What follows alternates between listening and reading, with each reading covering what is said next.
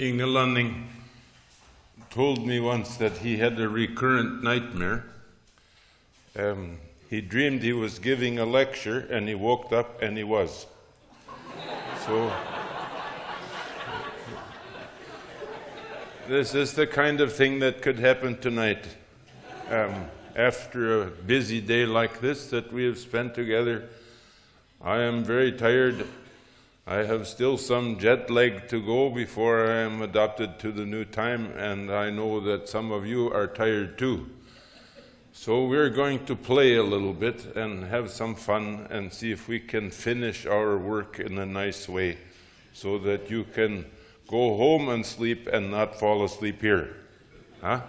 We don't want to have to tickle your noses to wake you up. And if somebody if I should fall asleep, my wife will take care of the tickling. So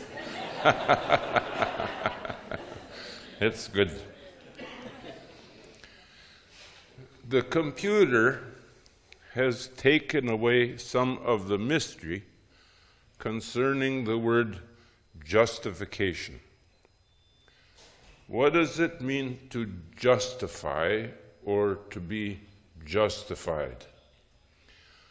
For a long time, this has been a mystery among Lutherans, but now, when you want to justify, you simply push a button on your computer and everything is justified. You can justify left, or you can justify right, or you can justify in the center, and all the lines will be lined up the same and everything will be appropriate, either down one side or the other, or right down the center. When I was a young man, I worked for a printing company, a publishing house, Augsburg Publishing House in Minneapolis. And so I was familiar with typesetting which in those days was done in lead. Justifying was a little bit more complicated because you had to reset a line when it was not justified. One line would stick out from all the others and you could see it and as a proofreader I'd draw a circle around what was jutting out and then I'd put a J and I would send it back up to the composing room and they'd reset it and then everything would come back lined up. Only then one line would be too far out the other side. That's justifying. Hmm? so we know from the beginning that justification is a relational word. It describes being in an appropriate relationship with something around you. In the case of print, being lined up hmm, with the other lines so that you read one line to the next without interruption. Justification originally is a legal word. It is, comes from a family of words that has to do with righteousness, in Greek, dikaiosune. Something that is justified is righteous. It is in an appropriate relationship. Or we could say it's working the way it should. Theologians in America have a terrible reputation for being impractical and dreamy. I had a good friend on the faculty who called me up one day and said his car was handling in an unusual manner, and he wondered if I would come over and help him. So I went over to his house and I climbed under his car and started looking. I looked at, and I got out and I looked at each one of the tires. All four of them were a different size. I said, How in the world did you manage to do this? He said, Well, I just bought one on sale and then I bought another one on sale. And it seemed to be all right, he said. well, the car was unrighteous. It was out of balance. Hmm? Now, this is, will demonstrate how a theologian tempts God. He went to Israel. He's brilliant. He speaks Hebrew. Both he reads the Hebrew of the Old Testament and he can speak modern Hebrew. And he rented a Fiat. I thought that was tempting God. Hmm? Because here was a man who's helpless around cars, driving, driving a car that's helpless around people. It was a perfect match. and of course, the Fiat broke down, and it broke down, of all places, right in front of a, a school for Arab mechanics run by the Lutheran World Relief. so his guardian angel was helping him. Huh? So the, the um, foreman at the shop realized that the man spoke, spoke Hebrew. And he said to him, Come back after your tour, and your car will be righteous. So he came back from his tour, and that little Fiat was sitting in front of the shop, humming huh? perfectly the foreman said, Your car is righteous. You can take it now. Huh? See, everything was aligned, everything was working together, everything was in an appropriate relation, and the, the foreman of the shop was using the word righteousness in the original biblical sense of the term. This is what it means to be righteous, to run the way you were meant to run. So when you're driving your car along a highway and it's everything is right, the car is righteous.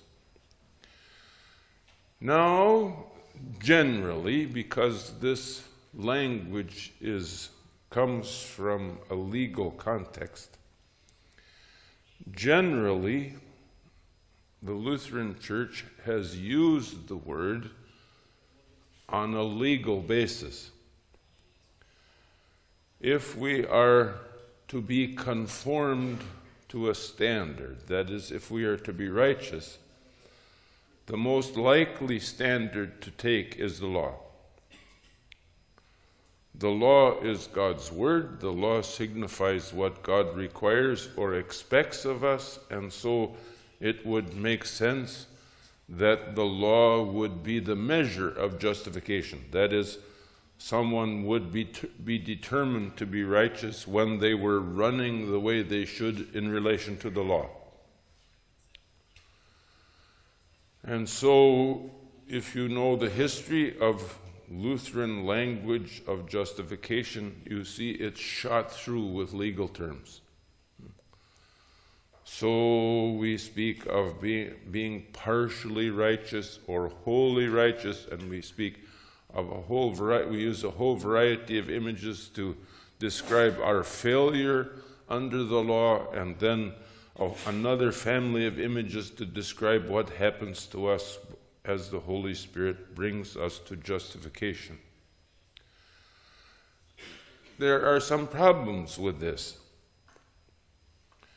The main problem with this, above all, is that in instead of saving us from the law, Christ saves us for the law.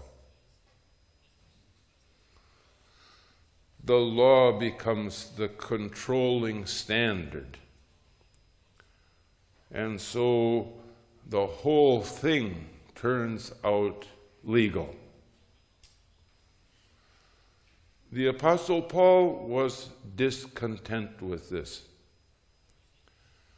and so was Luther. And so the Apostle Paul liked to speak of justification by faith apart from the works of the law in the last part of the phrase, he's rejecting legal images. He wants to speak of justification apart from works of the law. He doesn't want to get stuck on a legal scale. Luther followed this impulse. He didn't want the doctrine of justification to be controlled by the doctrine of law. He wanted it to be understood relationally. And so he tried a couple of different ways. I bet you some of you remember these ways. Hmm? For example, here's one of his images. In justification, Christ brings us back to the point from which Adam fell, so that we become better. See what's happening? The standard now is God's creation of Adam. It's not a legal standard, it's a relational standard. And the better is not necessarily moral, the better is faith. He lives by faith. Or here's an, an, another, another image that Luther uses. In justification, God makes us what Adam was meant to be, only better.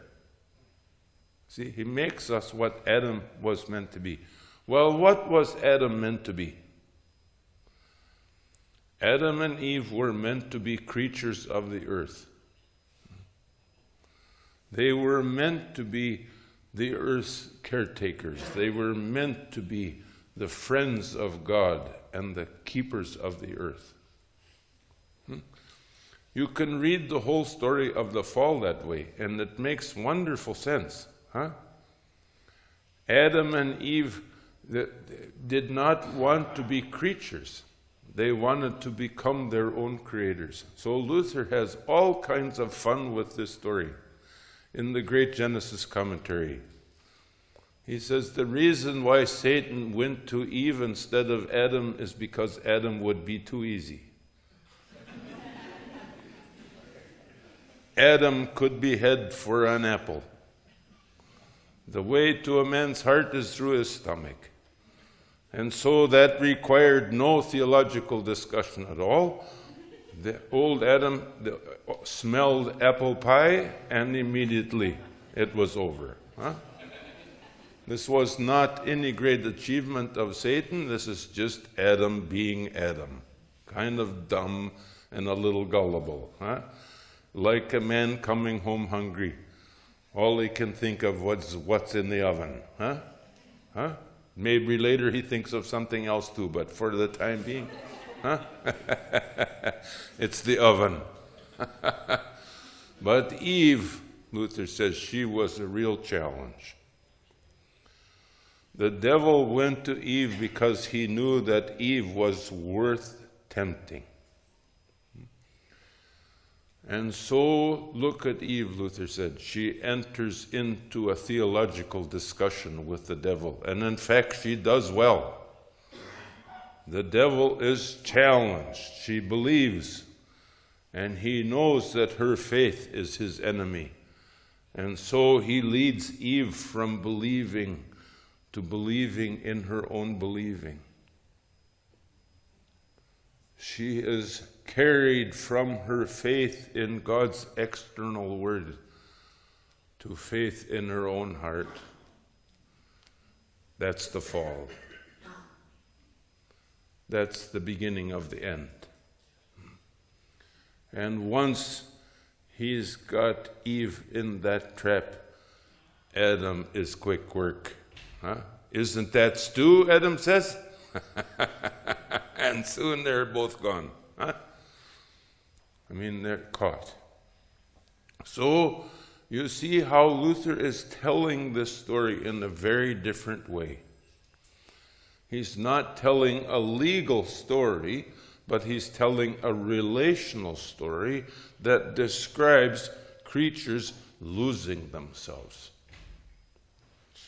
And they have lost themselves in the most decisive way, so that as the story unfolds, one relationship after the other is broken. Adam sees himself for the first time. He sees Eve for the first time. And he realizes, hey, you're naked. Huh? And he sees himself naked and he's ashamed. He can't stand to be a creature. He can't stand to be a person of the earth. He's ashamed of himself. He was naked and he said, This is awful. And instead of rejoicing when he looked at Eve, he said, She's naked too. Huh? I mean, this is completely crazy. His defining relationships have, with, his, with his other creature have been broken. Then the earth gets into the show. Huh? Adam, in the sweat of your brow shall you eat bread. Eve, in pain shall you bring forth children. Their defining relationships with the earth have been destroyed. And finally, in one of the most moving passages in the whole story, God comes in the evening to enjoy his creation. You know, the clever biblical critics, they say, this is anthropomorphic, this is just self projection. If I was God, that's what I would do go for a walk in the cool of the evening. What is more beautiful than that? Huh? You know what that is. We live 30 miles from the Pacific Ocean, and we love nothing better than a long sunset by the sea. Huh? God, in His glory, has made this, and He enjoys it as much as we do. Huh? He comes for a walk in the cool of the evening. Adam, where are you? Where are you? He calls out Adam, thinks he's hidden. And Eve with him, huh? Crouching behind him. Don't tell him that I gave you that apple. Huh? It wasn't me. Huh? It wasn't my fault. I didn't mean it. Huh? The whole cycle is broken. And everything is broken open. Now, here is sin itself. There has been no talk of the law at this point. There has been talk of broken relationships. When Melanchthon and the Lutheran Orthodox talk about justification, they always want to use the legal imagery. But if you watch Luther, he's trying, he's pushing. And so, one of the most important images he uses comes right out of Romans 7. You hear it in Romans 8, you hear it in this. We, we, in justification, we are conformed to his image. We are conformed to Christ Jesus. Our lives are shaped to him. He is the standard now. So, as my colleague Roy Harrisville likes to say, we're baked in the same cake with him we start to look like Him. Our lives start taking the shape of Christ's life. So that in being conformed to His image, we are being defined by Christ Jesus. He is shaping us, and He is shaping us to the earth. It's Christ Jesus that's restoring our creatureliness. It's Christ Jesus who's bringing our feet back down to the ground. It's Christ Jesus who is shaping us to a new life that He is defined. He is the new Adam. He is the one true and only Adam. He is the only human being who ever lived. Hmm. Because when Satan came to him in all of his wiles. Christ Jesus did not fall into the trap that captured Eve. Three times Satan said to him, If you are the Son of God. Each time Satan was attacking the voice that, that Jesus had heard at his baptism. Truly, you are my, my beloved Son. Now Satan comes, if you are the Son of God. If you are the Son of God. He's trying to do the same thing to Jesus that he did to Eve. He's trying to lead him from faith in his word to faith in his own faith. That would have been the end of everything. Hmm? Three times Jesus replies, Huh? This is the declaration. Oh, whoopie This is the declaration of freedom. Now I'm tied in a knot here. Huh? Yeah, good, thanks. Okay, good. Three times he asks, and three times Jesus replies, It is written. And with this, he inaugurates a new humanity. He signals what is going to happen in his cross and resurrection. He will go to his death in faith,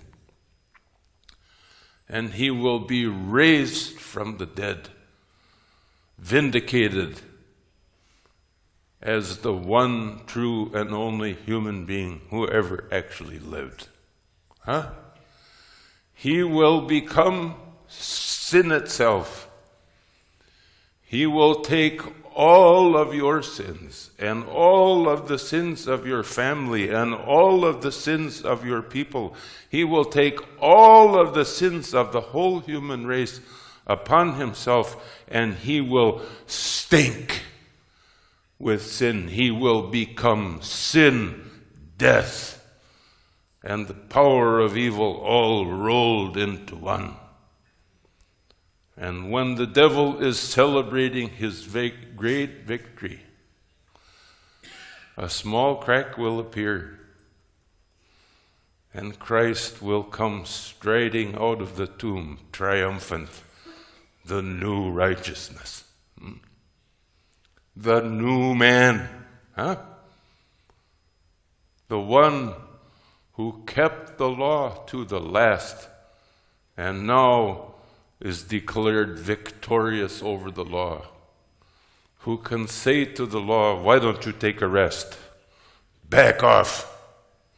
Take the day and go to hell. Huh? Leave me alone.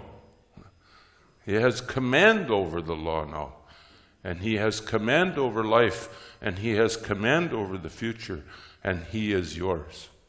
Huh? Now, to be justified is to be shaped to Him, to be conformed to Him, to start to look like Him. And that happens as the Holy Spirit shapes faith in you so that rather than seeking to deliver yourself, to hold faith in your own faith, to be able to express the confidence that I believe because I know I believe because I believe I have goosebumps after all. I know I believe this, I'm sure of it.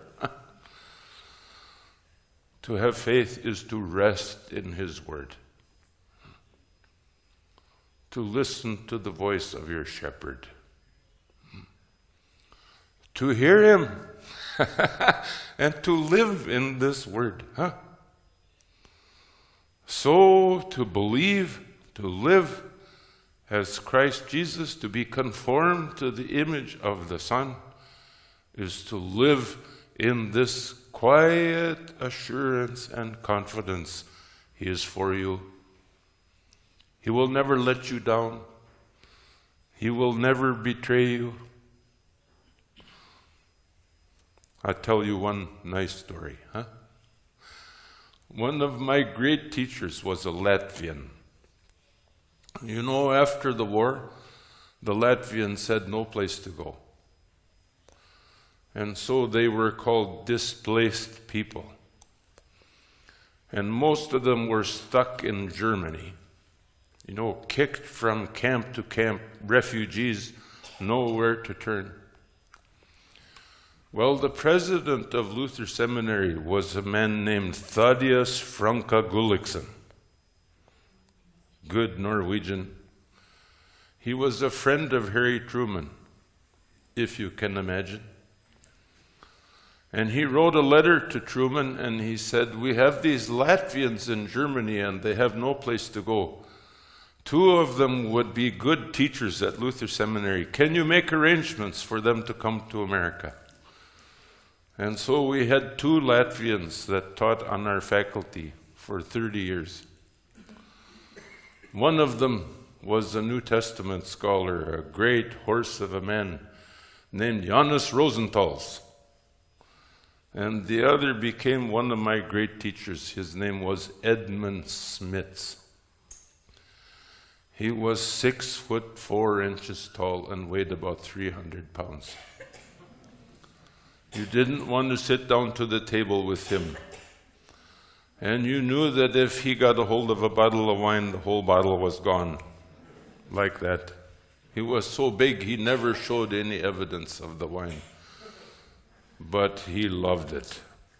And he had a bad habit with his hands. He, when we ran into him along the way, pretty soon Carolyn would be hiding behind me because he liked to touch places that he shouldn't. And we had to say, Papa, no, no, no, stop it. And Carolyn didn't trust him, and so she died. Huh?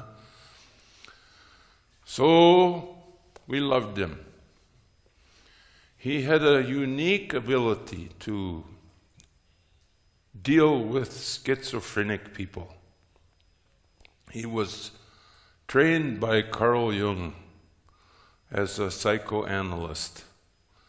He had two doctorates, one in theology, one in psychology, and then was also a concert pianist. Brilliant. So he would psychiatrists in the Minneapolis St. Paul would send him people that they couldn't help because Papa had an astonishing way of dealing with these people. There was a young woman that was sent to him. She got sicker and sicker. She was schizophrenic. She was convinced that like there was paranoia in it, she was convinced that the whole world was turning on her. Every day, Papa said one thing to her. He said, Everybody may have let you down, but Christ Jesus will never let you go. So she was hospitalized at the University of Minnesota. Um, Papa went each day to the hospital and told her the same thing. The psychiatrists at the university became convinced that Papa was part of the problem, so they wouldn't let him come and see her anymore. So he snuck into the hospital. This big man sneaking in the back door and sneaking into the psych ward. He couldn't hide any place. But he learned to go on tiptoe to find her and when he got to her, he said the same thing. Everybody else may have let you down, but Christ Jesus will never let you go. Slowly she began to unfold out of her catatonia. Her legs began to move, her arms began to move, and as she came out of her disease, this is what she said Everybody else has let me down. But Christ Jesus never let me go. She was healed. She became a professor of psychology at Harvard University. And it was Papa who wouldn't let her go. See, this is Christ Jesus. This is our Savior. Hmm? And this is what he does he raises up children after his own image who are stuck on his word and stuck on their neighbors and who speak the word to the neighbor in such a way that the neighbor enjoys what they do. Huh? The freedom of the gospel. The freedom of the gospel. And so repentance is part of the movement. Repentance happens as we die to ourselves, just as Christ died to himself. This is nothing very fancy. You die every day. You look at what's going on in your family and you say, Holy smokes, how am I going to survive this? Hmm? You say about your work, I could have died of it. You say about your church, who can deliver us from this body of death? Huh? You say about your life, you know, everything I know has gone in the toilet. Hmm? You look at yourself and you say, I'm a disaster. That's the death. It's nothing you volunteer for, it's stuff you get pushed to day after day after day. Huh? You get pushed to the point where you say, I can't handle this anymore. It's over. And just at that point, huh, you are being crucified. You are being put to death all the day long. You are being put to death with Christ Jesus.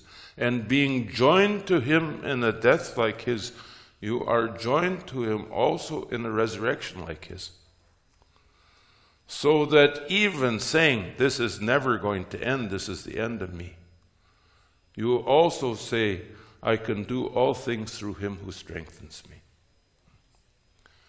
all of a sudden, what looked putrid and foul and like the end of everything turns and life begins to emerge. Hope, joy, blessing. Hmm. I just finished reading a great big biography of Johann Sebastian Bach. He is one of my great heroes. He and Luther together. Hmm? You know my grandpa and my great grandpa, those guys from Leksvik who hiked across North Dakota to settle in Saskatchewan. They were both musicians. When I was a boy, what I remember is sitting with them in the living room on Sunday morning. They were both very pious but they loved cigars. So on Sunday morning, there was a ritual at Grandpa's house. He would go and get his father. So it was Axel and Arnie Vinji sitting together, and they would listen to the Bach cantata on the radio and smoke their cigars in silence. Neither one of them said a word. So I sat a small boy with them. Now, when I hear the cantatas, I can smell cigars. And I can hear my grandpa and my great grandpa. it's so great. there it is. See, the word breaks loose. Even now, we have faced the loss of our church in the States. We gave our lives for it. We loved it. It was our church. We were proud of it. And that turned out to be an old whore ready to go to bed with anybody who had a nickel. And so we had no alternative. Some they let leave voluntarily, some like me, they threw out. Huh? the bishop came to my pastor and said, I'm going to excommunicate Jim. Then my pastor said, You go ahead and try. He said, If he leaves, the whole congregation will go with him. So the bishop turned around and drove home. So I'm supposed to be apostate and kicked out, but they don't dare to do it, huh? which only makes me more of a nuisance. Huh? I like to poke at them, huh? just for fun, because Christ is risen and they're not. Huh? Huh? I have the Word of God to look to, and they've got the Constitution of the American Lutheran Church. I have God's inspired Word to depend upon. and they've got a Constitution that passed by three votes. Guess which one of them is ambiguous? Huh? Guess which one is trustworthy and reliable? Huh? Guess which one you can depend on? Well, Christ Jesus raises the dead. He loves sinners. Huh? And it's Him that's working to shape you to His image. It's you, it's Him who's taking you into death and raising you to newness of life. So that even as you die, even as you lose hold of yourself, even as you're carried beyond yourself, He is moving under you, carrying you, sustaining you, raising you, bringing you huh, to newness of life. To be justified is to die. It is to die to ourselves. To be justified is to be raised with Him. Thus, finally, to smell the roses, huh?